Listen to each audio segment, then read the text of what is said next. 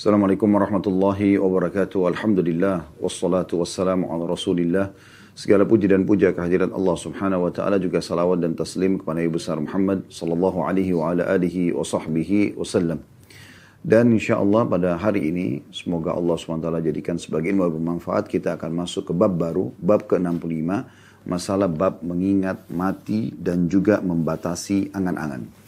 Seperti biasa teman-teman sekalian, bila kita akan masuk ke bab baru, saya biasanya coba memberikan gambaran lebih dalam lagi tentang masalah makna judul. Karena tidak ada penulis yang menulis sebuah judul kecuali dia ingin menyampaikan sebuah pesan penting dalam masalah ini. Dan ini tentu bab mengingat mati bukan hal yang e, baru bagi setiap manusia, bagi yang tentu menggunakan hati nurani dan akal sehatnya. Kalau dia pasti akan melalui ya, kehidupan ini sampai batas waktu yang Allah Azza wa Jal telah tentukan yang dikenal dengan ajal. Sehebat apa pun Anda menjaga makanan, makanan sehat, makanan yang berkualitas, sehebat apa pun Anda mengatur pola tidur, juga olahraga, dan semua yang berhubungan dengan masalah hal-hal yang sering dibahas dalam masalah kesehatan manusia, bila ajal datang pasti akan meninggal. Tentu seseorang dalam Islam dianjurkan untuk ikhtiar, untuk menjaga kualitas makanannya, ya udara dan berolahraga dan seterusnya. Namun semua itu tidak bisa menahan ajal bila sudah sampai pada waktunya. Kita pasti akan meninggal semuanya. Seorang ahli bela diri, binaragawan, tetap juga akan meninggal dunia. Begitu juga dengan orang yang sakit akan meninggal dunia. Namun berapa banyak orang yang sehat telah mendahului orang-orang yang sakit. Ya, banyak sekali kasus berhubungan dengan masalah ini. Intinya teman-teman sekalian, seorang muslim harusnya menyadari dengan sangat uh, dalam dalam hatinya kalau uh, dia akan meninggalkan semua ini. Semua akan ditinggalkan. Sebuah wasiat Jibril alaihissalam pada saat datang kepada Nabi SAW dan mengatakan, Ya Muhammad, ahbib man syi'ta, fa innaka mufariqu. Wahai Muhammad, cintai siapa saja yang kau inginkan, toh juga kau akan berpisah. Wa ish ma syi'ta, fa innaka mayyitun. Dan hiduplah sesukamu, toh juga kau akan mati. Pasti. Wa'mal ma syi'ta dan berbuat sesukamu, fa innaka majziyun bihi. Karena kau pasti akan dibalas dengan hasil perbuatanmu itu. Jadi wasiat ini sangat luar biasa gitu. Bagaimana Jibril AS mengingatkan kepada Nabi SAW bahwasanya hidup ini ya pasti akan ada akhirnya. Dan tentu kita perlu sadari poin penting. Bagi seseorang muslim, kematian adalah awal segalanya. Itu kebahagiaan bagi dia. Karena dengan mati, dia akan melihat hasil perbuatannya. Begitulah yang dinukil dari sebagian salafus salih, di mana kalau mereka menemukan ada temannya akan wafat, maka mereka datang dan menyampaikan sebuah berita sambil mengatakan, ya, atau isi berita itu, terimalah berita gembira. Jadi orang mau wafat dikatakan terima berita gembira. Kenapa? Karena sebentar lagi kau akan bertemu dengan Allah. Sebentar lagi kau, kau akan bertemu dengan Rasulullah Wasallam. Sebentar lagi kau menerima hasil dan melihat hasil daripada amal-amal solehmu. Jadi uh, orang mukmin berkeyakinan seperti itu. Mati bukanlah sesuatu yang menakutkan bagi dia, tapi justru sesuatu yang membahagiakan, sesuatu yang ditunggu. Dan agar melahirkan perasaan itu, tentu kita harus menjalankan hadis Nabi alaihi salatu wassalam pada saat ditanya oleh beberapa sahabat, manil mu'minina akyas, siapa orang mukmin yang paling cerdas? Maka beliau mengatakan, mereka yang paling banyak mengingat kematian dan punya persiapan setelah kematian tersebut. Jadi kalau kita tahu kita akan meninggal dunia, kita akan wafat dan kembali kepada Sang Pencipta Allah Subhanahu wa taala, di saat itu kita akan selalu punya persiapan yang akan kita bawa ke sana. Ingat, yang akan kita bawa ke sana ya adalah amal-amal kita, amal-amal saleh. Oleh karena itu jangan pernah berpikir amal saleh itu Allah membutuhkannya. Ini pemahaman yang harus diperbaiki juga. Karena banyak orang sholat, asal selesai sholat saja. Yang penting sudah store kewajiban. Seakan-akan Allah membutuhkan. Ini keliru. Allah subhanahu wa ta'ala sama sekali tidak butuh dengan amal saleh kita.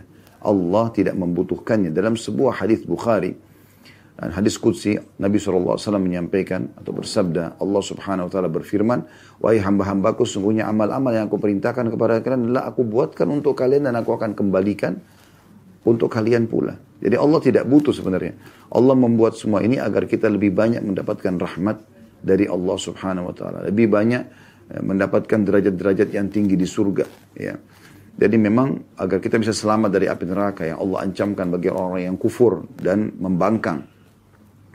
Jadi sebenarnya kalau seseorang menyadari dia akan meninggal dunia lalu kemudian dia punya persiapan dalam arti kata semua yang dia kerjakan dia yakin dia akan terima nanti di akhirat sana tentu dia akan menyambut kematian dengan gembira. Bila radhiyallahu anhu pada saat ditanya uh, tentang masalah kematian beliau mengatakan marhaban bil maut selamat datang kematian itu. Karena beliau memang sudah merasa diri punya persiapan untuk itu. Setiap hari dalam kehidupan dia yang diisi adalah ketaatan kepada Allah Subhanahu wa taala atau bahasa sederhananya adalah takwa. Takwa artinya patuh kepada Allah, mengerjakan semua perintah tanpa memilah antara wajib dan juga sunnah. Sunnah pun dikerjakan, begitu juga meninggalkan semua yang dilarang, baik itu haram ataupun makruh. Maka makin kental kita ya uh, memperhatikan poin ini, maka makin ya tinggi tingkat ketakwaan kita. Maka ini akan makin banyak persiapan yang kita akan bawa menuju ke akhirat sana. Dan seorang mukmin wajib punya keyakinan dalam hatinya dan dalam kehidupannya bahwasanya janji Allah benar. Kalau kita sudah mengerjakan sebuah perintah, apa pun itu sifatnya sholat, puasa, haji, umrah, berdoa, berzikir, bersedekah, apa saja. Kalau kita sudah kerjakan sesuai dengan syarat dan ya, tuntunan dari Allah Subhanahu wa taala, maka pasti akan diterima dan akan kita terima balasannya. Begitu juga kalau ada orang-orang yang membangkang, ya, ada orang yang kufur, ada orang yang bermaksiat kepada Allah Subhanahu wa taala dan tidak taubat, maka jangan pernah ragu mereka akan dihukum oleh sang pencipta Allah karena janji Allah tidak akan mungkin salah. Ya, kalau seandainya ada orang yang justru bermaksiat kepada Allah dan melimpah nikmat kepadanya, maka kemungkinan ada dua hal. Yang pertama, belum tegak hujah padanya. Maksudnya belum sampai kepadanya tentang hukum perbuatan yang dia lakukan itu haram. Ya, sehingga Allah subhanahu wa ta'ala belum menghukum orang yang jahil. Atau yang kedua, memang dia adalah tadarruj, tahapan siksaan. Sebagaimana sabda Nabi alaihi salatu wassalam, kalau engkau melihat nikmat seorang nikmat Allah melimpah pada seorang hamba sementara dia bermaksiat, ketahuilah itu adalah tahapan siksaan dari Allah. Jadi memang Allah Subhanahu wa taala sudah tahu orang-orang ini tidak akan bertaubat. Kita kalau lihat kisah umat-umat sebelum kita yang Allah Subhanahu wa taala binasakan mereka, kaumnya Nabi Shu'aib, ya, kaumnya Nabi Saleh, kaumnya Nabi Musa, ya, Fir'aun di sini kita maksudkan Kemudian kaumnya Nabi Ibrahim, Namrud tentunya kita maksudkan. Karena tidak semua kaumnya kufur. Kemudian juga kaumnya Nabi Lut. Ini banyak sekali yang Allah subhanahu wa ta'ala ya, hukum yang kufur di antara mereka. Dan sebelum Allah datangkan siksa yang merata, maka Allah limpahkan nikmat di akhir-akhir hari mereka. Dua, tiga hari, empat, lima hari, sepekan sebelum ya datang siksaan tersebut Allah sehatkan badan mereka Allah gembira, gembirakan hati mereka Allah uh, perbanyak ternak mereka hasil panen mereka sehingga mereka makin lalai ini tahapan tadarruj namanya sehingga pada saat datang kepada mereka siksa tersebut mereka dalam kondisi lalai ini bukan karena Allah berbuat zalim tapi Allah sebagai pencipta sudah mengetahui orang-orang ini telah sampai hujah kepada mereka telah sampai kepada mereka dakwah tapi mereka menolaknya jadi hati-hati teman-teman sekalian. Bagi orang yang belum tahu hukum, maka dia kemungkinan masih ada di ranah aman karena belum sampai padanya hujah. Tetapi kalau sudah sampai kepada anda, seseorang yang memberikan peringatan, apakah itu lisan ataupun tulisan, sampai kepada anda tentang hukum perbuatan yang anda lakukan, ya, maka itu berarti sudah tegak hujah pada anda dan bisa saja hukuman Allah subhanahu wa ta'ala datang kepada setiap orang di antara kita. Selalu rindu kematian teman-teman sekalian karena dia sesuatu yang menggembirakan bagi orang beriman. Itu dijelaskan dalam firman Allah Subhanahu wa taala ya. Bagi orang-orang yang beriman dan istiqamah di atas kebaikan-kebaikan, maka malaikat-malaikat akan turun pada saat mereka ya, akan wafat atau meninggal dunia dan menyampaikan agar mereka jangan sedih dan juga jangan takut ya. Disampaikan berita gembira, maka mereka bergembira pada saat akan meninggal dunia. Dan uh, kalau seandainya, kata sebagian ulama, kalau seandainya ada orang-orang yang dihidupkan sekarang, kemudian mereka diberikan kesempatan ya, untuk melakukan atau memilih perbuatan, maka mereka tidak lagi berpikir untuk kembali kepada biologis dengan pasangannya, atau dia makan makanan favoritnya, atau mendatangi ya, sebuah majlis tempat dia berkumpul dengan sahabat-sahabatnya, atau apa pun yang berhubungan, berhubungan dengan masalah dunia-dunia seperti ini. Tapi dia akan berpikir bagaimana bisa mengerjakan sholat dua rakaat, bagaimana bisa memperbanyak ya ibadah yang terbaik yang dia bisa kerjakan di waktu-waktu emas yang Allah berikan tersebut, maka itu akan dia kerjakan. Makanya dalam sebuah riwayat Bukhari pernah Nabi alaihi wassalam melewati sebuah kuburan. Kemudian beliau bersabda kepada para sahabat. Sungguh demi yang jiwaku dalam genggam mesti demi Allah. ya, jenazah ini atau yang ada dalam kuburan ini mereka dia lebih mencintai dua rakaat yang kalian kerjakan sunnah ya dibandingkan dunia dan seluruh isinya. Artinya mereka berharap bisa kembali mengerjakan amal soleh. Oleh karena itu kalau orang sudah membiasakan diri dengan menyibukkan diri ya dengan amal-amal soleh, maka dia akan gembira pada saat meninggal dunia. Tapi orang yang terus lalai, tidak pernah mau sadar, seakan-akan bangga dengan ketampanannya, kecantikannya, kekayaannya, kedudukannya dan seterusnya, dan mereka terus saja meninggalkan amal-amal soleh, maka ini juga akan berbahaya bagi dia. Ya. Demikian juga masuk dalam masalah ini orang yang suka melalaikan amal-amal sunnah. Dia akan menyesal. Gitu. Amal-amal sunnah cukup banyak. Sholat-sholat sunnah. Selalu dia mengatakan ini kan cuma sunnah. Ya sunnah juga perintah dalam agama. Dan fungsi dia sangat besar. Bukankah Nabi SAW bersabda awal amal dihisap hari kiamat adalah sholat. Kalau dia baik maka akan membantu amal lain. Kalau dia buruk akan mengganggu amal lain. Riwayat lain kalau amal sholatnya baik maka ya uh, beruntunglah dia. Dan kalau um, kalau uh, sholatnya rusak maka rugilah dia. Lalu kata Allah subhanahu wa ta'ala kepada para malaikat, kalau sholatnya pada saat ditimbang yang wajib itu kurang, coba cek ya sholat-sholat sunnahnya.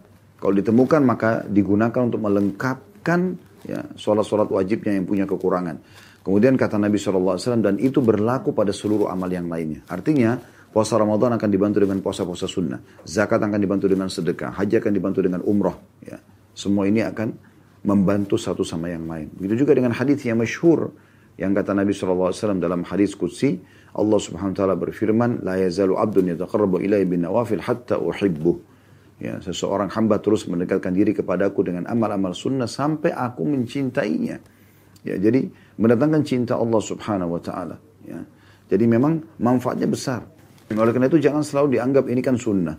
Zikir pagi petang dibengkalikan, baca Al-Quran, ya tilawah dalam uh, bacaan seharian juga dibengkalikan atau mungkin bakti pada orang tua yang dia bisa lakukan dengan sangat mudah di masa kita sekarang ini dengan cara ya misalnya telepon, WA, ya mengirimkan hadiah-hadiah, transportasi sangat mudah untuk menyampaikan di kota yang orang tua kita berada atau di kampung atau di desa ataupun bahkan lintas negara. Kita sekarang di masa ini bisa semuanya ya berbakti dengan sangat lebih mudah ya atau sangat mudah. Seperti sekarang kalau ada orang puasa misalnya di satu negara, Orang tua kita misalnya ada di Amerika, kita lagi di Indonesia. Sangat mudah di saat sekarang kita bisa masuk di website restoran-restoran yang mungkin kita pun mau cari restoran halal ada. Kemudian kita kirimkan buka puasa ke rumah mereka. Ya, di waktu mereka di sana. Dan kita tinggal transfer online semuanya bisa. Lintas negara pun bisa. Mendapatkan pahala buka puasa pun bisa. Ya. Orang di negara-negara lain pun bisa tinggal kita punya uh, link kepada website yayasan-yayasan sosial di sana misalnya, maka sangat mudah gitu kan. Jadi di masa sekarang ini sangat mudah orang memperbanyak amal-amal saleh. Maka jangan sia-siakan itu. Di atas ranjang sebelum tidur pun dengan online kita bisa bersedekah kepada seribu orang fakir, kepada seribu orang janda, seribu anak yatim. Kita bisa menyebarkan Al-Quran, kita bisa menggali sumur, kita bisa banyak mengerjakan amal-amal saleh yang nanti bermanfaat buat kita.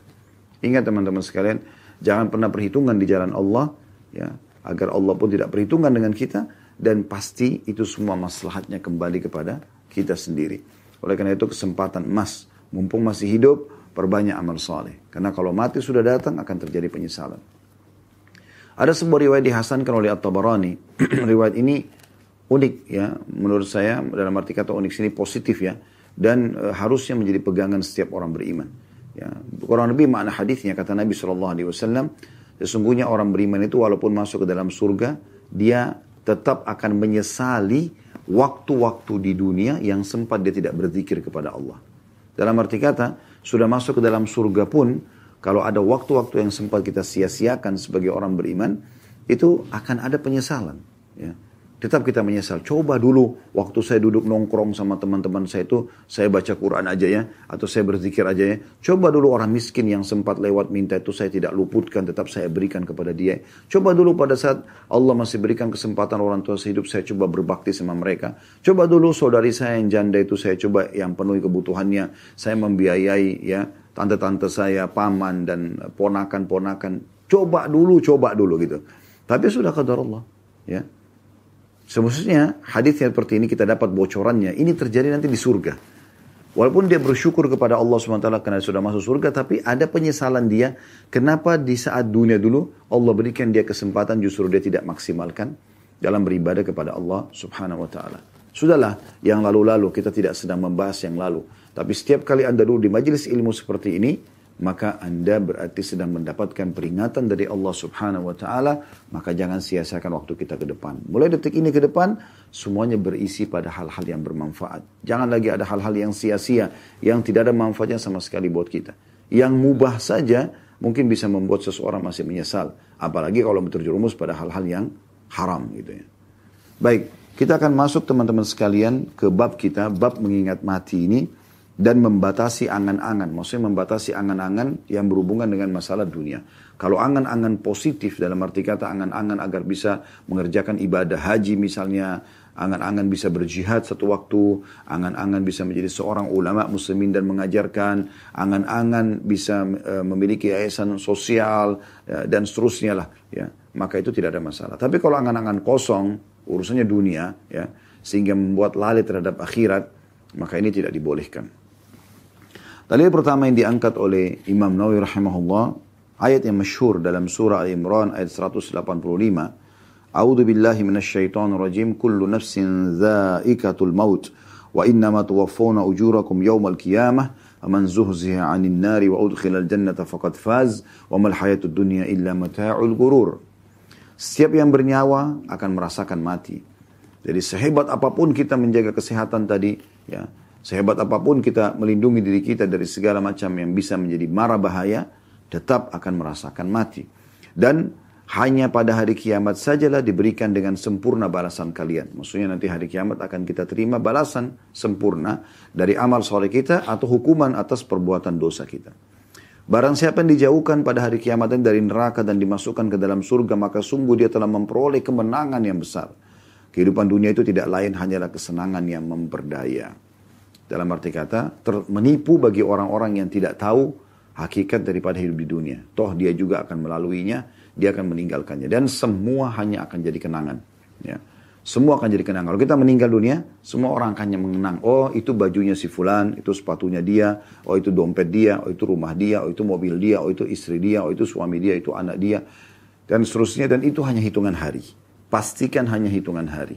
Setelah itu, istri atau suami kita bisa menikah lagi, anak-anak juga akan sibuk dengan aktivitasnya masing-masing, semua pakaian kita akan dibagikan, warisan akan dibagi dan seterusnya. Dan hanya dikenang beberapa hari. Setelah itu sudah menjadi hak orang lain dan kemudian akhirnya mereka pun sibuk dengan kehidupan mereka dan akan terulang lagi. Pada saat mereka meninggal juga akan dikenang menjadi hak mereka hitungan hari. Kita pemilik pertama tidak akan dikenang lagi. Tidak akan dikenang lagi. Semua itu akan hilang. Yang akan bersama kita hanya amal saleh yang selama ini banyak orang lalaikan. Wallahu musta'an. Baik, ayat ini menjelaskan kepada kita semua jiwa akan merasakan mati. Ya. Kemudian juga akan ada pembalasan yang akan kita terima sempurna. Di sini saya katakan tadi, di awal pembukaan kita tidak ada keraguan terhadap janji Allah. Kalau kita berbuat amal soleh, pasti akan kita terima. Ya. Dan kalau kita berbuat dosa, pasti juga akan ada hukumannya. Kecuali kita sempat bertaubat ya. Kemudian juga dijelaskan kalau orang-orang yang ya, diselamatkan nanti di hari kiamat ya, dari api neraka dan masuk ke dalam surga sungguh itu kemenangan. Memang ini kemenangan yang sebenarnya. Kalau anda mau cari kemenangan yang sebenarnya hanya ini saja. Nggak ada kemenangan yang lain. Kemenangan dalam permainan, kemenangan dalam peperangan, ini cuma kemenangan semu di dunia sebentar. Tapi kalau kemenangan yang sebenarnya pada saat kita betul-betul kaki ini sudah masuk ke dalam surga. Makanya Imam Ahmad rahimahullah berkata, ya saya tidak akan pernah atau tidak akan tenang jiwa seorang mukmin sampai kedua telapak kakinya menginjakkan surga. Karena dijamin kalau orang sudah masuk ke dalam surga tidak akan dikeluarkan lagi untuk menuju ke neraka. Beda kalau orang masuk neraka ada kemungkinan dia keluar ke surga bila dia memang ditolong oleh Allah Subhanahu wa taala karena ada syafaat dari Allah atau karena memang ya, uh, syafaat orang-orang beriman ataupun misalnya memang karena dosanya sudah dibersihkan sehingga sisa amal solehnya saja akan membawa dia masuk ke dalam surga. Ya, tapi kalau di surga orang kalau sudah masuk tidak akan pernah keluar lagi. Maka target kita itu. Ini kemenangan yang sebenarnya dan kemudian yang terakhir pesan Allah Subhanahu wa taala adalah bahwa dunia ini hanyalah kehidupan yang memperdaya atau kesenangan yang memperdaya. Artinya semua akan semu ya. Misalnya kita rasakan makanan enak nih, lezat sekali. Habis itu selesai. ya, lewat makanan itu ukuran seper, sepertiga jari telunjuk kita ini ada garis-garisnya, ketenggorokan kita sudah tidak kita tahu lagi. Bahkan kita sudah tidak bisa bedain mana daging, mana ikan, mana nasi, mana kentang, ya dan seterusnya. Di ujung lidah iya, model di depan mata kita sudah makan iya, tapi kalau sudah lewat maka sudah selesai urusannya. Ya. Maka semu sebenarnya, semu. Pakaian kita pakai nih. Setelah kita pakai, beberapa waktu kita akan merasa, oh ini tadinya model tren, sekarang sudah mulai berkurang. Atau paling tidak pada saat dia sobek, atau dia rusak, atau dia lapuk, atau kita meninggal dunia. Maka semua juga akan ketinggalan. Seperti itu. Kendaraan, mobil, motor. Mungkin kita anggap sekarang paling canggih yang kita gunakan. Nanti lama-lama akan keluar model baru dan akhirnya ketinggalan. Handphone, semuanya. Maka itu semu. Semuanya itu semu. Maka tunggangi dunia ini teman-teman sekalian untuk mendapatkan yang terbaik di akhirat sana. Itu poinnya. Kemudian dalil yang kedua diangkat oleh beliau surah Luqman ayat 34 yang berbunyi A'udzubillahi minasyaitonirrajim wa ma tadri nafsun ma taksibu ghadan wa ma tadri nafsun bi ayyi ardin tamut. Dan tidak ada seorang pun yang dapat mengetahui dengan pasti apa yang akan dikerjakannya besok dan tidak ada seorang pun yang dapat mengetahui di bumi manakah dia akan mati. Nah, saksi bahasan kita akhir potongan ayat ini tentunya. Namun teman-teman sekalian, kita bisa garis bawahi ayat ini menjadi dua bagian. Yang pertama adalah wa ma tadri nafsum ma taksibu. Sesungguhnya setiap jiwa tidak akan tahu apa yang dia akan kerjakan besok. Artinya, maksimalkan hari ini. Maksimalkan hari ini. Saya sering bahasakan teman-teman kalau yang sering mengikuti pengajian kami, hari ini adalah hari emasmu wahai muslim. Hari ini maksimalkan. Hari ini hari emasmu. Hari inilah kamu punya kesempatan emas untuk menambah secara kualitas daripada ibadah-ibadah yang sudah kamu kerjakan dan kuantitas pada ibadah yang boleh ditambah kuantitasnya. Contoh Anda sholat duha biasanya dua rakaat, sekarang Anda kembangkan menjadi empat rakaat, jadi delapan rakaat dan seterusnya. Kalau biasa Anda baca cuma 10 ayat per hari, maka Anda ayat-ayat Al-Quran Anda bisa menambah sekarang menjadi 50 ayat. Ini kesempatan gitu kan. Kalau Anda biasa sedekah dengan 2 ribu rupiah, hari ini Anda punya kesempatan untuk bersedekah dengan 10 ribu rupiah atau sampai 100 ribu rupiah. Kalau Anda uh, pada hari-hari sebelumnya mungkin hanya membaca istighfar 10 kali, sekarang Anda bisa istighfar sampai 100 kali.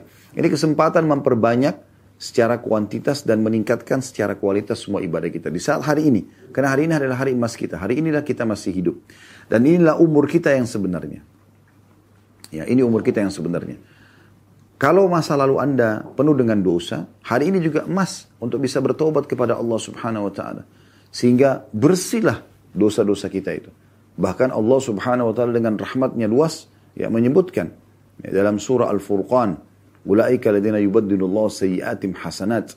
Mereka adalah orang-orang yang Allah ganti dosa-dosa mereka menjadi pahala. Jadi ada orang subhanallah karena tobatnya nasuha benar-benar kembali kepada Allah SWT, Allah ganti dosa-dosa mereka menjadi pahala. Padahal tadinya dosa.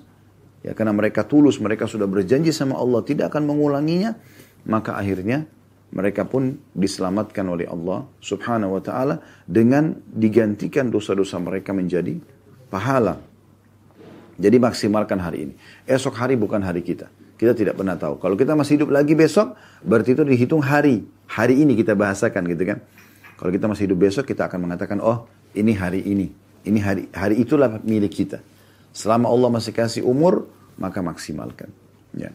Perbanyak amal soleh, tingkatkan kualitas dan kuantitas sebagaimana kami jelaskan tadi, atau Anda bertobat dari dosa-dosa masa lalu Anda. Ya. Makanya uh, pernah ada seseorang yang datang kepada Sa'id bin Musayyib rahimahullah lalu uh, umurnya sudah 60 tahun kata Sa'id. Berapa umur kau? Dia bilang 60 tahun ya. Kata orang kata Sa'id rahimahullah sesungguhnya kau telah 60 tahun menuju ke Tuhanmu. Maka orang itu mengatakan inna lillahi wa inna ilaihi rajiun. Kami milik Allah kami akan kembali kepada Allah. Lalu kata Sa'id apa kau tahu makna apa yang kau ucapkan itu? Orang itu mengatakan eh, saya ya uh, apa dia diam, dia terdiam. Kemudian Said mengatakan, sesungguhnya makna katamu itu adalah kami milik Allah dan kami pasti akan kembali kepada Allah dalam arti kata siapa yang tahu dia akan kembali kepada Tuhannya dia akan juga mempertanggungjawabkan perbuatan-perbuatannya. Oleh karena itu harus hati-hati gitu kan. Maka orang itu pun ketakutan. Lalu dia mengatakan, lalu apa solusinya? Ya. Kata Sa'id, mudah sekali. Ya. Orang itu mengatakan, apa itu? Dia mengatakan, engkau memperbaiki apa yang tersisa, tobat dari dosa-dosa, kemudian coba beramal soleh dari sisa umurmu ini, maka Allah akan terima itu dan Allah akan maafkan masa lalumu. Tapi kalau kau masih diberikan umur sekarang lalu kamu sia-siakan, kamu berbuat dosa tetap saja dalam keadaan kesalahan, ya, maka nanti kau akan dihukum oleh Allah dengan apa yang kau baru lakukan dan juga akan diikut sertakan apa yang telah kau lakukan di masa lalu. Ya, jadi memang segera bertobat kepada Allah Subhanahu wa taala. Kemudian yang kedua dari ayat ini adalah potongan ayatnya wa ma tadri nafsum bi ay ardin tamut dan setiap jiwa tidak pernah tahu di mana dia akan meninggal dunia. Dalam sebuah hadis disebutkan kata Nabi SAW, bila Allah ingin merenggut nyawa seorang hamba di satu lokasi, maka Allah akan buat dia punya hajat di sana. Berapa banyak orang subhanallah tidak ada tujuannya dari Jakarta ke Surabaya. Ternyata di Surabaya memang ajalnya akan datang. Ya. Atau dia pergi ke dalam, dari negaranya ke satu negara yang lain misalnya. Maka direnggut nyawanya kemudian meninggal dunia di sana. Seperti itulah. Maka kita tidak pernah tahu kita akan meninggal di mana.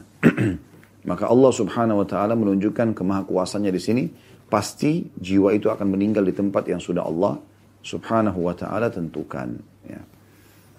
Kemudian dalil yang ketiga yang diangkat oleh beliau firman Allah SWT dalam surah An-Nahl ayat 61. A'udzu billahi minasyaitonir rajim. Jaa ajaluhum la yastakhiruna sa'atan wa la yastaqdimun. Maka apabila ajal mereka tiba, maka tidak akan dapat meminta penundaan atau percepatan sesaat pun. Jadi kalau sudah datang detik itu, di tempat itu, kita akan meninggal dunia. Makanya saya selalu terinspirasi dengan kisah seorang salafus yang bernama Abdullah pada saat anaknya wafat dibunuh orang. Kemudian datanglah seseorang yang menyampaikan kepada dia berita tentang masalah wafat anaknya itu. Maka dia pun dengan sangat tenang merespon. Pada saat orang bawa berita itu mengatakan, Wahai Abdullah, anakmu mati, dibunuh orang. Maka dia lagi ngunyah makanan, dia dengan tenang, ya, tetap saja dia uh, apa dia memberhentikan kunyahan makanannya dengan sangat tenang lalu dia mengatakan inna lillahi wa inna ilaihi rajiun lalu dia kembali mengunyah makanannya yang bawa informasi penasaran sambil mengatakan wahai Abdullah anakmu baru mati dibunuh orang tetap dia melakukan hal yang sama sampai tiga kali maka kemudian orang itu penasaran mengatakan bagaimana bisa kau tetap makan tenang makan Sementara saya lihat depan mata saya sendiri anakmu ditusuk oleh orang. Mati, terbunuh. Mungkin pikiran orang yang bawa berita ini, dia akan panik, dia akan mencari siapa pembunuhnya lalu membalas dendam. Itu pikiran normalnya manusia yang tidak mengikuti dengan atau tidak mengikuti kehidupan dia ini dengan keimanan atau menyeliputi, menyeliputi, menyelimuti kehidupannya dengan keimanan. Maka Abdullah mengatakan, duduklah.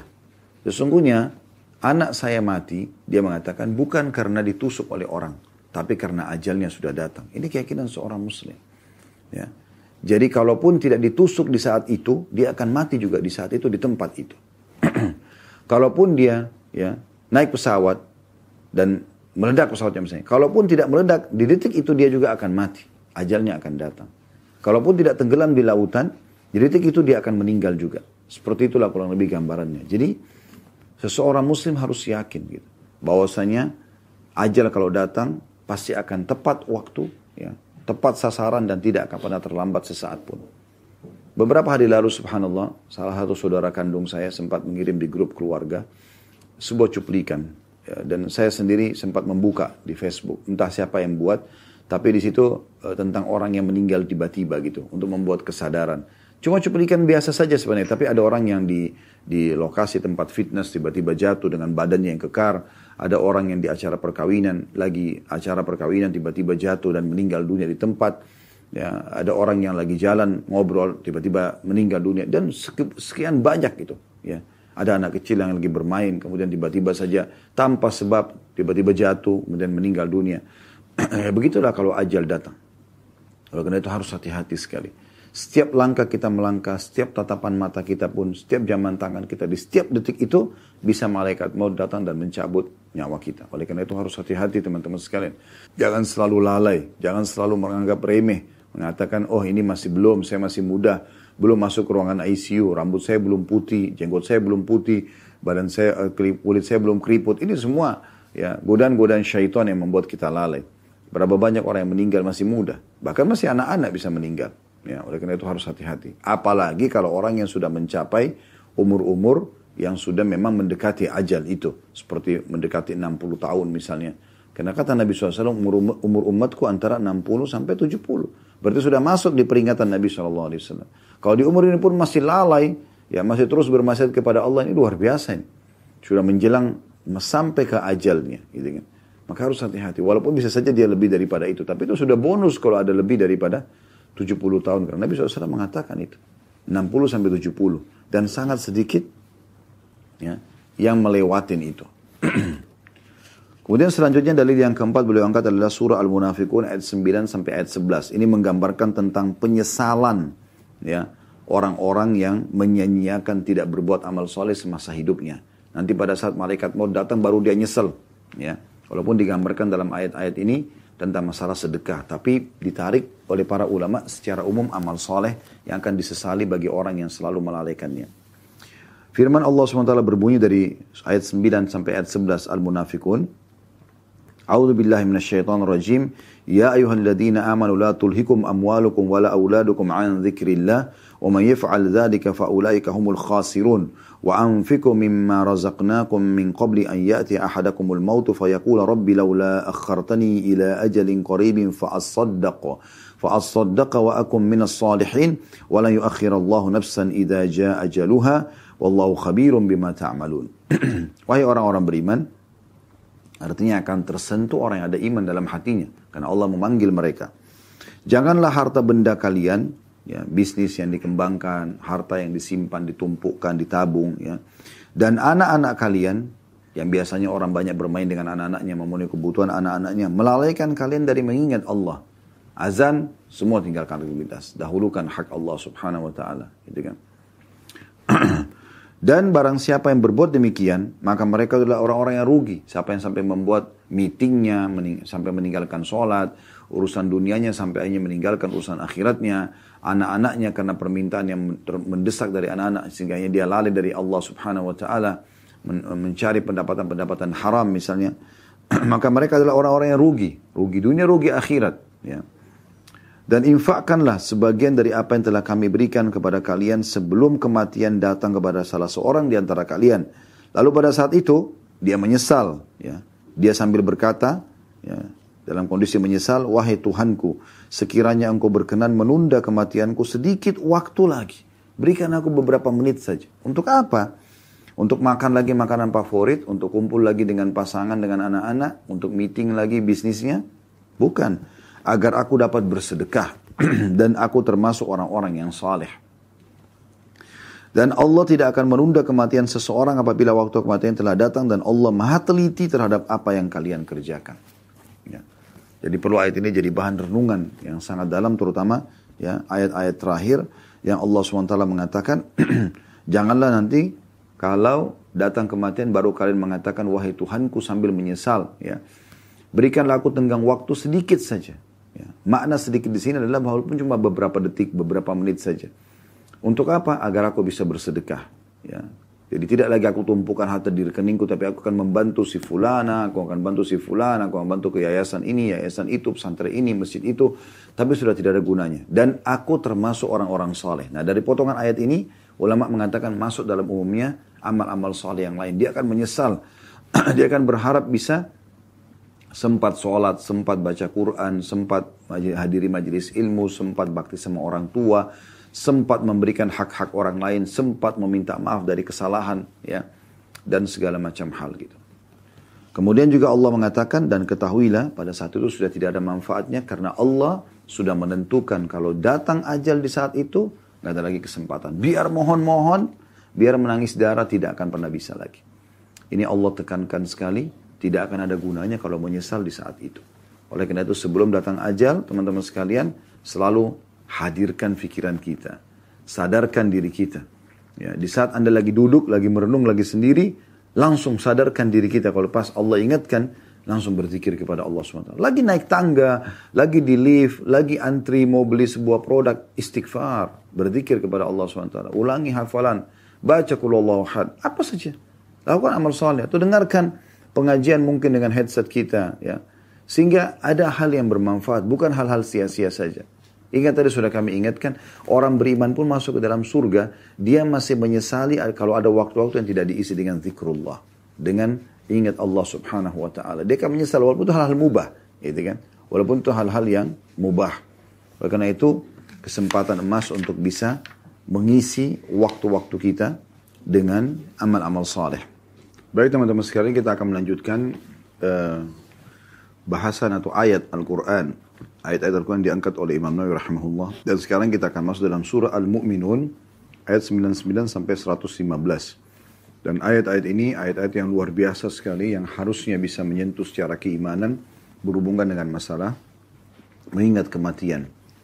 Saya langsung bacakan saja dari ayat 99 ya bagi teman-teman di rumah yang mau melihat dari aplikasi handphone Al-Quran, aplikasi Al-Quran di handphonenya juga bisa. أعوذ بالله من الشيطان الرجيم. حتى إذا جاء أحدهم الموت قال رب ارجعون. لعلي أعمل صالحا فيما تركت. كلا إنها كلمة هو قائلها ومن ورائهم برزخ إلى يوم يبعثون. فإذا نفخ في السور فلا أنساب بينهم يومئذ ولا يتساءلون. فمن ثقلت موازينه فأولئك هم المفلحون. ومن خفت موازينه فأولئك الذين خسروا أنفسهم في جهنم خالدون. تلفح وجوههم النار وهم فيها كالحون. ألم تكن آياتي تتلى عليكم فكنتم بها تكذبون؟ قالوا ربنا غلبت علينا شقوتنا وكنا قوما ضالين. ربنا أخرجنا منها فإن عدنا فإنا ظالمون. قال اخسأوا فيها ولا تكلمون.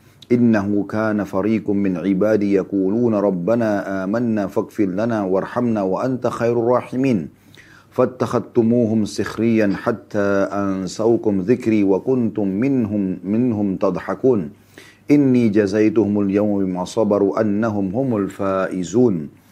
قال كم لبثتم في الأرض عدد سنين؟ قالوا لبثنا يوما أو بعد يوم فاسأل العادين. Qala in لبثتم illa qalila law annakum kuntum ta'lamun afahasibtum annama khalaqnakum abathan wa annakum لا la turja'un. Renungi ayat demi ayat.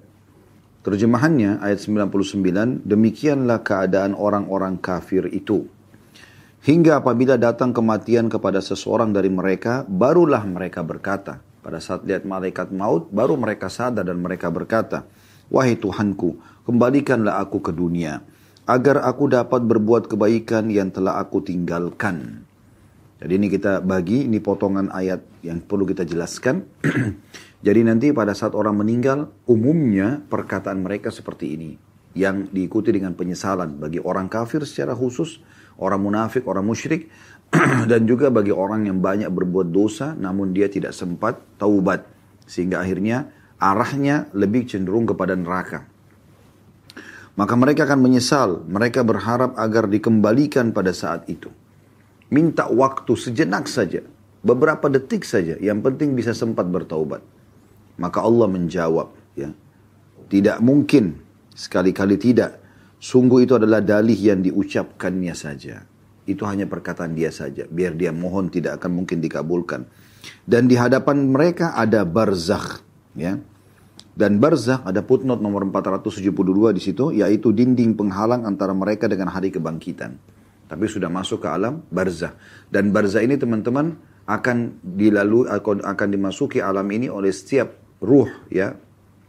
Orang beriman atau orang kafir. Sempat jasadnya dimasukkan ke dalam tanah atau tidak. Jadi sebuah alam yang Allah sendiri lebih mengetahui tentang di mana letaknya ya. Tapi yang jelas ada alam barzah itu nanti akan menjadi uh, awal pintu dia menuju kepada hari kebangkitan nantinya. Apabila sang kakala ditiup nanti, menjelang hari kiamat, maka tidak ada lagi pertalian keluarga di antara mereka pada hari kiamat itu. Dan tidak pula mereka saling bertanya. Nah, maksudnya nanti pada hari kiamat, nggak bisa lagi orang, oh ini karena istri saya, ini karena suami saya, ini anak saya, ini orang tua saya, ini paman, ini tante, ini ponakan. Nggak ada lagi itu ya maksudnya dan tidak ada tidak ada itu bisa digunakan untuk membantu kita nggak bisa lagi ya karena orang masing-masing akan menyelamatkan diri ya, dalam beberapa riwayat disebutkan orang akan lari dari ya pasangannya sendiri karena memang Dia khawatir jangan sampai ada hak-hak yang belum sempat dia berikan. Ya. Atau mungkin ada hal-hal yang pernah dia sakitin, kemudian belum sempat minta maaf. Dan pasangan pun belum memaafkan misalnya, atau orang tuanya, atau anaknya. Maka semua orang akan lari dari orang-orang yang mereka dekat atau cintai pun. Dalam ayat yang lain Allah mengatakan yauma nafiru mar'u min abi. Pada hari itu orang lari dari ayahnya wa ummihi wa uh, yauma yafiru mar'u min akhi. Pada hari itu orang lari dari saudaranya wa ummihi wa abi. Dan ibunya juga ayahnya wa sahibatihi wa bani. Dan juga istrinya juga anak-anaknya.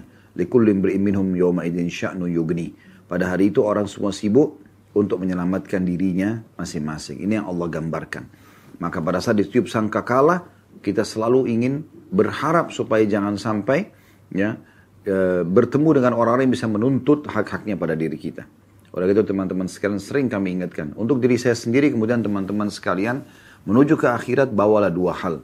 Bawa amal soleh dan teman-teman soleh yang bisa membantu kita dengan syafaatnya. Ya. Dan jangan bawa dua hal. Jangan bawa musuh dan dosa yang akan menyusahkan kita tentunya. Lalu kemudian Allah mengatakan, barang siapa yang berat timbangan kebaikannya pada hari itu, maka merekalah orang-orang yang beruntung dan barang siapa yang ringan timbangan kebaikannya, dosanya lebih banyak, maka mereka adalah orang-orang yang merugikan diri mereka sendiri dan mereka kekal di dalam neraka jahanam. Nah, dalam arti kata, orang nanti kalau terlalu banyak dosanya dan akhirnya ditimbang dengan amal soleh, maka tentu saja dia akan merugi dan akan dimasukkan ke dalam api neraka. Di hari kiamat nanti teman-teman ada orang yang masuk surga tanpa hisap. Ini para nabi-nabi, para syuhada, dan tentu orang-orang yang Allah berikan kesempatan mereka. Dan semoga kita termasuk di antaranya. Karena kita bisa mohon kepada Allah agar dimasukkan ke dalam surga tanpa hisap. Jadi tidak ditimbang lagi amalnya. Ada orang yang masuk surga tapi ditimbang dulu amalnya. Kenapa? Karena dosanya masih lebih berat daripada amal solehnya. Atau masih berimbang. ya Sehingga dia butuh syafaat pertolongan. Ada juga orang yang masuk neraka tanpa timbangan. Memang orang kafir tidak ditimbang gitu.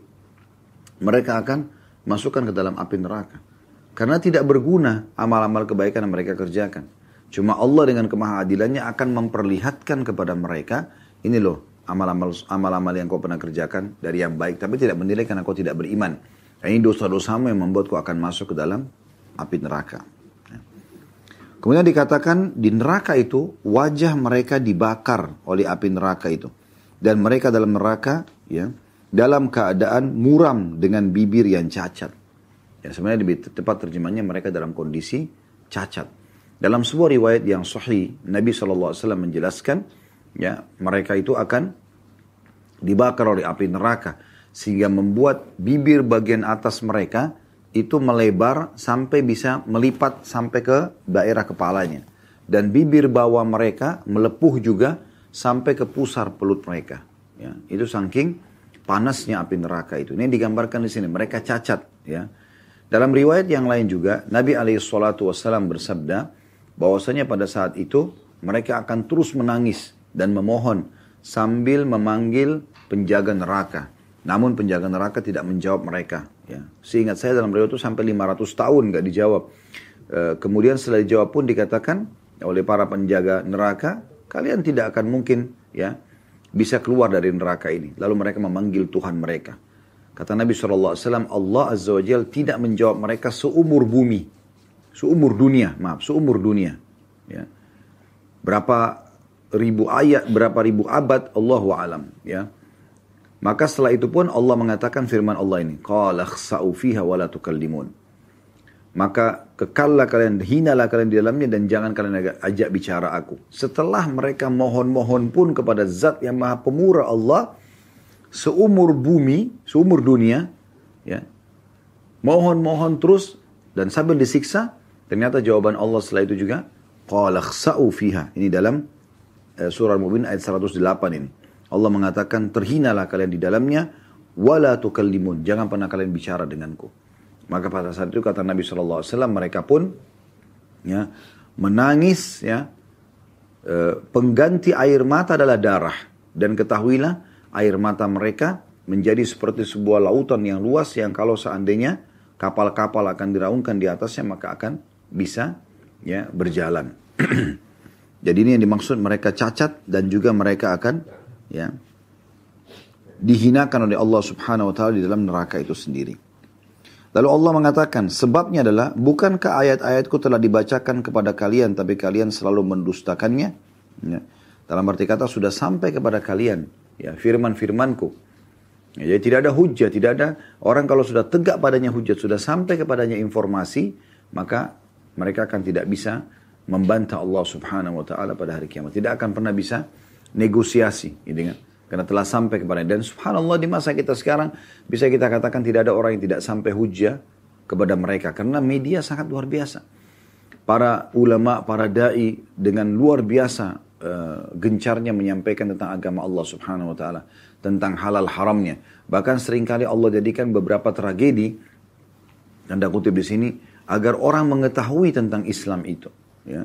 Orang jadi tahu tentang Al-Quran, orang tahu tentang umat Islam, Ya, banyaknya masjid yang dibangun di sana sini dikumandangkan azan umat Islam berpuasa. Satu dunia sekarang tahu kalau Ramadan umat Islam itu berpuasa dengan adanya media misalnya. Ya, uh, kemudian Al-Quran ditilawakan dengan berbagai macam terjemahan, uh, berbagai macam bahasa terjemahannya. Jadi semua sudah uh, sampai kepada mereka semua informasi tentang tinggal mereka mau uh, pelajari atau tidak gitu. Maka Allah mengatakan itu, bukankah ayat-ayatku telah dibacakan, namun kalian tetap mendustakannya, maka mereka berkata, wahai Tuhan kami, kami telah dikuasai oleh kejahatan kami. Ini syikwah, ya. Galabat alaina syikwatuna. Ya Allah, kami telah dikuasai oleh kejahatan atau hawa nafsu kami. Ya. Dan kami ya, termasuk orang-orang yang sesat. Jadi mereka akui pada saat itu. Iya sih, waktu itu memang ya Allah, ya saya memang yang lalai. Saya memang yang begini dan begitu. Dia akui, gitu kan. Namun pada saat mereka bilang, setelah mengakui kami telah dikuasai oleh kejahatan kami, dan kami orang-orang yang sesat, wahai Tuhan kami, keluarkanlah kami dari neraka ini, dan kembalikan kami ke dunia, maka jika kami masih juga kembali kepada kekafiran atau kemaksiatan, sungguh kami adalah orang-orang yang zalim. Tapi apa jawaban Allah? Allah mengatakan tinggallah, ya, tinggallah dengan hina di dalamnya, maksudnya di neraka. Dan janganlah kalian berbicara denganku. Ini sudah saya jelaskan tadi. Ada sabda Nabi SAW begitu. Yang menyampaikan. Mereka memanggil Tuhan mereka Allah. Allah tidak menjawab mereka seumur ya, dunia ini. Setelah itu pun Allah menjawab dengan firman Allah ini. Qala khsa'u fiha wa la. Ya. Tinggallah kalian dalam kondisi hina di dalamnya dan jangan kalian berbicara denganku. Sampai akhirnya mereka menangis pengganti air mata darah yang keluar. Gitu kan. Karena penyesalan yang luar biasa gitu. Sungguh ada segolongan dari hamba-hambaku, ya kata Allah SWT, di dunia, berkata sambil berdoa, Hai Tuhan kami, kami telah beriman dan ampunilah kami dan berilah kami rahmat. Engkau adalah pemberi rahmat yang terbaik. Lalu kalian, wahai orang-orang kafir, menjadikan mereka sebagai buah ejekan. Ya. Sehingga kesibukan kalian mengejek mereka menjadikan kalian lupa mengingat aku. Dan kalian selalu menertawakan mereka. Maksudnya menertawakan orang-orang beriman. Ya, jadi kalau sekarang ada dai, ada ustadz, ada kiai, ada uh, uh, ulama menyampaikan, jangan diolok-olok. Ya, terima nasihat itu, karena jangan sampai nanti menyesal malah di akhirat. Ya. Telah sampai kepada kalian itu semuanya. Tapi kalian banyak mengolok-oloknya, menertawakan. Soalim lah, inilah, itulah, garis keras lah, atau apa saja. Dengan istilah-istilah yang digunakan sehingga akhirnya melalaikan dirinya sendiri sibuk dengan ejekan-ejekan itu. Di masa kita sekarang banyak sekali orang seperti itu ya. Sibuk dari ejekan ini kepada ejekan ini, kepada dai ini, kepada ulama ini. Sibuk terus mencari, mencari kesalahan-kesalahan dan kekurangan mereka. Sehingga akhirnya dia sendiri terlalaikan. Ini Allah katakan di sini, saya ulangi. Jadi ada di dunia hamba-hambaku yang berdoa. Orang-orang beriman ini berdoa. Wahai Tuhan kami, kami telah beriman, maka ampunilah kami dan berikanlah kami rahmat. Engkau adalah pemberi rahmat yang terbaik. Lalu kalian, ya, wahai orang-orang yang sibuk mengejek-ngejek ini, menjadikan mereka sebagai buah ejekan. Sehingga kesibukan kalian mengejek mereka menjadikan kalian lupa mengingat aku, kata Allah. Jadi dia sendiri sedang membengkalikan dirinya. Dan kalian selalu menertawakan orang-orang beriman itu. Sungguh pada hari ini, kata Allah, di hari kiamat, aku memberi balasan kepada orang-orang beriman itu, kepada mereka, karena kesabaran mereka, sungguh mereka itu adalah orang-orang yang memperoleh kemenangan. Ya, Allah kemudian bertanya kepada orang-orang kafir itu, berapa tahun lamakah kalian tinggal di bumi? Maka mereka menjawab, kami tinggal di bumi sehari atau setengah hari saja. Maka tanyakanlah kepada mereka yang menghitung, ya, Maksudnya mereka sendiri merasa 60 tahun, 70 tahun itu seperti satu hari atau setengah hari saja. Maka Allah berfirman, kalian tidak tinggal di bumi melainkan sebentar saja. Jika kalian benar-benar mengetahuinya, ya. Jadi sebenarnya waktu yang aku berikan itu pendek, gitu kan? Satu jam, dua jam, 24 jam, ya, satu hari. Jadi dua hari, satu minggu, dua minggu, satu bulan, satu tahun, sepuluh tahun, dua puluh tahun, semuanya itu sebentar. Cuma berlalu begitu saja gitu. Lalu kata Allah, apakah kalian mengira kami menciptakan kalian secara main-main tanpa ada maksud atau tujuan? Dan bahwa kalian tidak akan dikembalikan kepada kami? Tanda tanya. Maksudnya, apakah kalian tidak tidak mau tahu atau tidak mengetahui bahwa kalian akan dibangkitkan seperti ini dan kalian akan diminta pertanggungjawaban? Tentu sudah jelas jawabannya. Mereka pada saat itu tidak bisa lagi berdusta, tidak bisa manipulasi data. Mereka akan mengakui sambil mengatakan benar. Kami pasti akan ya menemukan semua ini. Nah, ini jadi Allah sudah berikan kita bocorannya, teman-teman jangan sampai kita menjadi orang-orang seperti ini. Ya. Kembali saya ingatkan lagi, ya mereka mengatakan pada saat mati, ya Allah kembalikanlah kami di dunia. Untuk apa? Agar kami bisa mengerjakan amal soleh yang dulu kami sia-siakan. Kata Allah itu hanya ucapan kosong yang mereka ucapkan. Dan sesungguhnya mereka berada di barzakh yang akan yang menjadi awal awal menuju hari kebangkitan itu. Nanti kalau sudah ditiupkan sangka kalah, ditimbanglah amal-amal soleh itu, siapa yang berat amal solehnya dia akan selamat, siapa yang ringan amal solehnya atau berat amal buruknya, maka akan masuk ke neraka. Lalu kata Allah SWT, pada saat itu mereka akan cacat di neraka. Wa na'udzubillah. Dan Allah mengatakan, bukan telah sampai kepada kalian ayat-ayatku, ya, dan kalian terus mendustakannya. Dan dulu, ya, maka mereka mengatakan sesungguhnya uh, hawa nafsu kami, kejahatan kami mengalahkan kami. Gitu. Uh, kalau engkau keluarkan kami dari ke dunia ini dan kami tetap berbuat salah, maka kami termasuk orang-orang zalim. Maka Allah mengatakan tinggallah dalam kondisi hina. Kalian tidak akan mungkin bisa keluar dan jangan bicara sama aku. Sesungguhnya dulu di dunia ada hamba-hambaku yang berdoa, beriman. Kalian lihat depan mata kalian. Azan mereka ke masjid, pengajian mereka ramaikan mereka selalu sibuk dengan mengingatkan, uh, uh, menyuruh pada kebaikan, melawan dari kemungkaran, membaca Al-Quran, bakti sama orang tuanya, sibuk dengan pesantren, masjid, dan seterusnya. Kalian tahu itu, tapi kalian jadikan mereka sebagai bahan ejekan. Dan bahan ejekan kalian itu membuat kalian lalai dari aku, kata Allah. Maka hari ini aku balas mereka dengan keselamatan. Lalu kata Allah subhanahu wa ta'ala, berapa lama kalian hidup di dunia? Ditanya orang-orang yang lalai atau orang kafir ini, mereka bilang cuma sehari atau dua hari saja. Kata Allah, memang kalian akan sebentar sekali ya hidup di dunia itu. Apakah kalian mengira kalian akan kami cipt, kalian kami ciptakan sia-sia saja tanpa akan kembali kepada kami? Maka pertanyaan ini sudah tidak butuh jawaban lagi karena mereka semua sudah tahu memang pasti akan seperti ini keadaannya akan kembali kepada Allah Subhanahu wa taala. Ayat terakhir yang diangkat oleh Imam Nawawi rahimahullah dan kita tutup juga bahasan kita dengan ini Insya Allah pertemuan akan datang kita akan masuk di uh, hadis pertama ya dalam bahasan kita.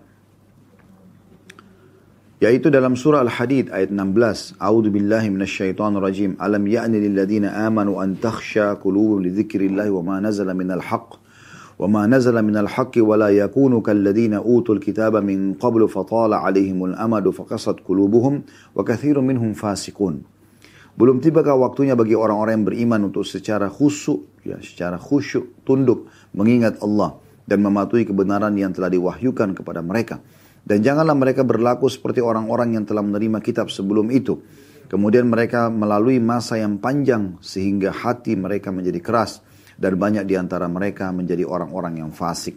Lalu beliau mengatakan dan masih banyak lagi ayat-ayat dalam bab ini. Tapi dicukupkan dengan ayat-ayat yang sudah dibahas tadi.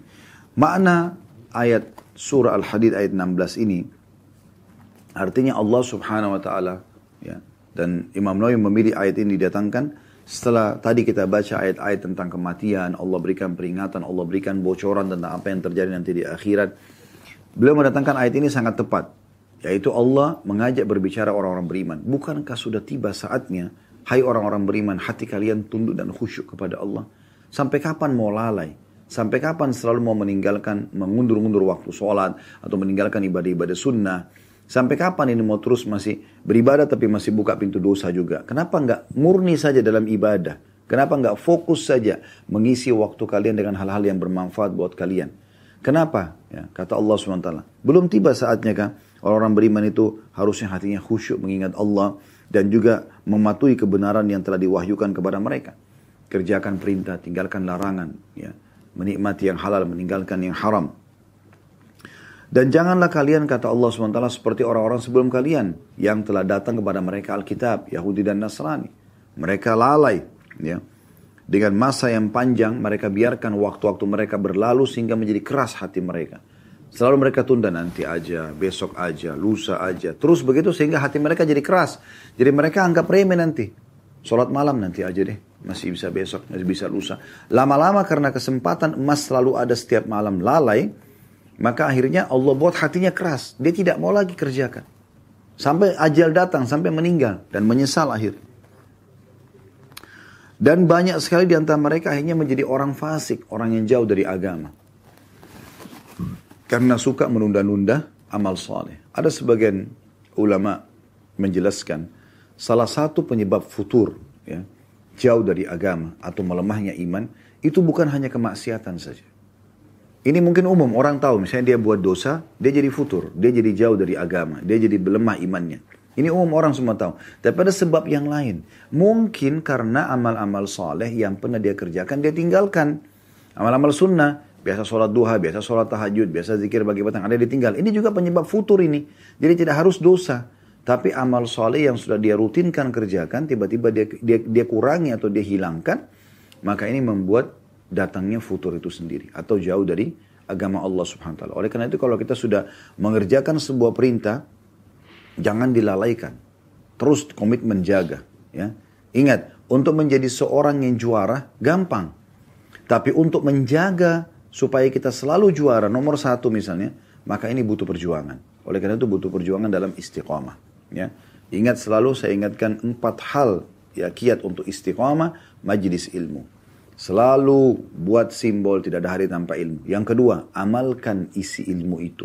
Jangan cuma dengar, sholat duha, sholat malam, sedekah, baca Quran, hafal Quran, bakti orang tua dan seterusnya, tapi tidak diamalkan. Yang ketiga, komunitas. Dan yang keempat, berdoa kepada Allah subhanahu wa ta'ala agar kita bisa selalu istiqomah sampai ajal datang. Ingat, tugas kita semua hanya sampai ajal datang.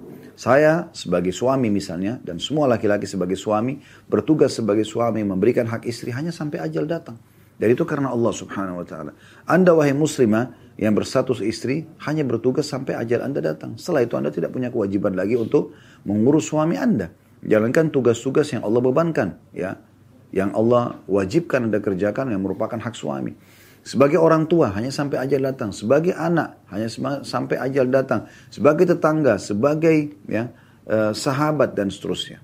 Semua ini sampai ajal datang. Oleh karena itu kita maksimalkan waktu selama ajal itu atau sampai ajal itu datang nanti dengan hal-hal yang baik. Mulai hari ini teman-teman sekalian, jangan tunda lagi untuk menjadi orang yang lebih taat kepada Allah Subhanahu wa taala karena orang yang taat kepada Allah akan mendapatkan rahmat Allah, kebahagiaan, ketentraman hati dan juga ya keselamatan di akhirat nanti.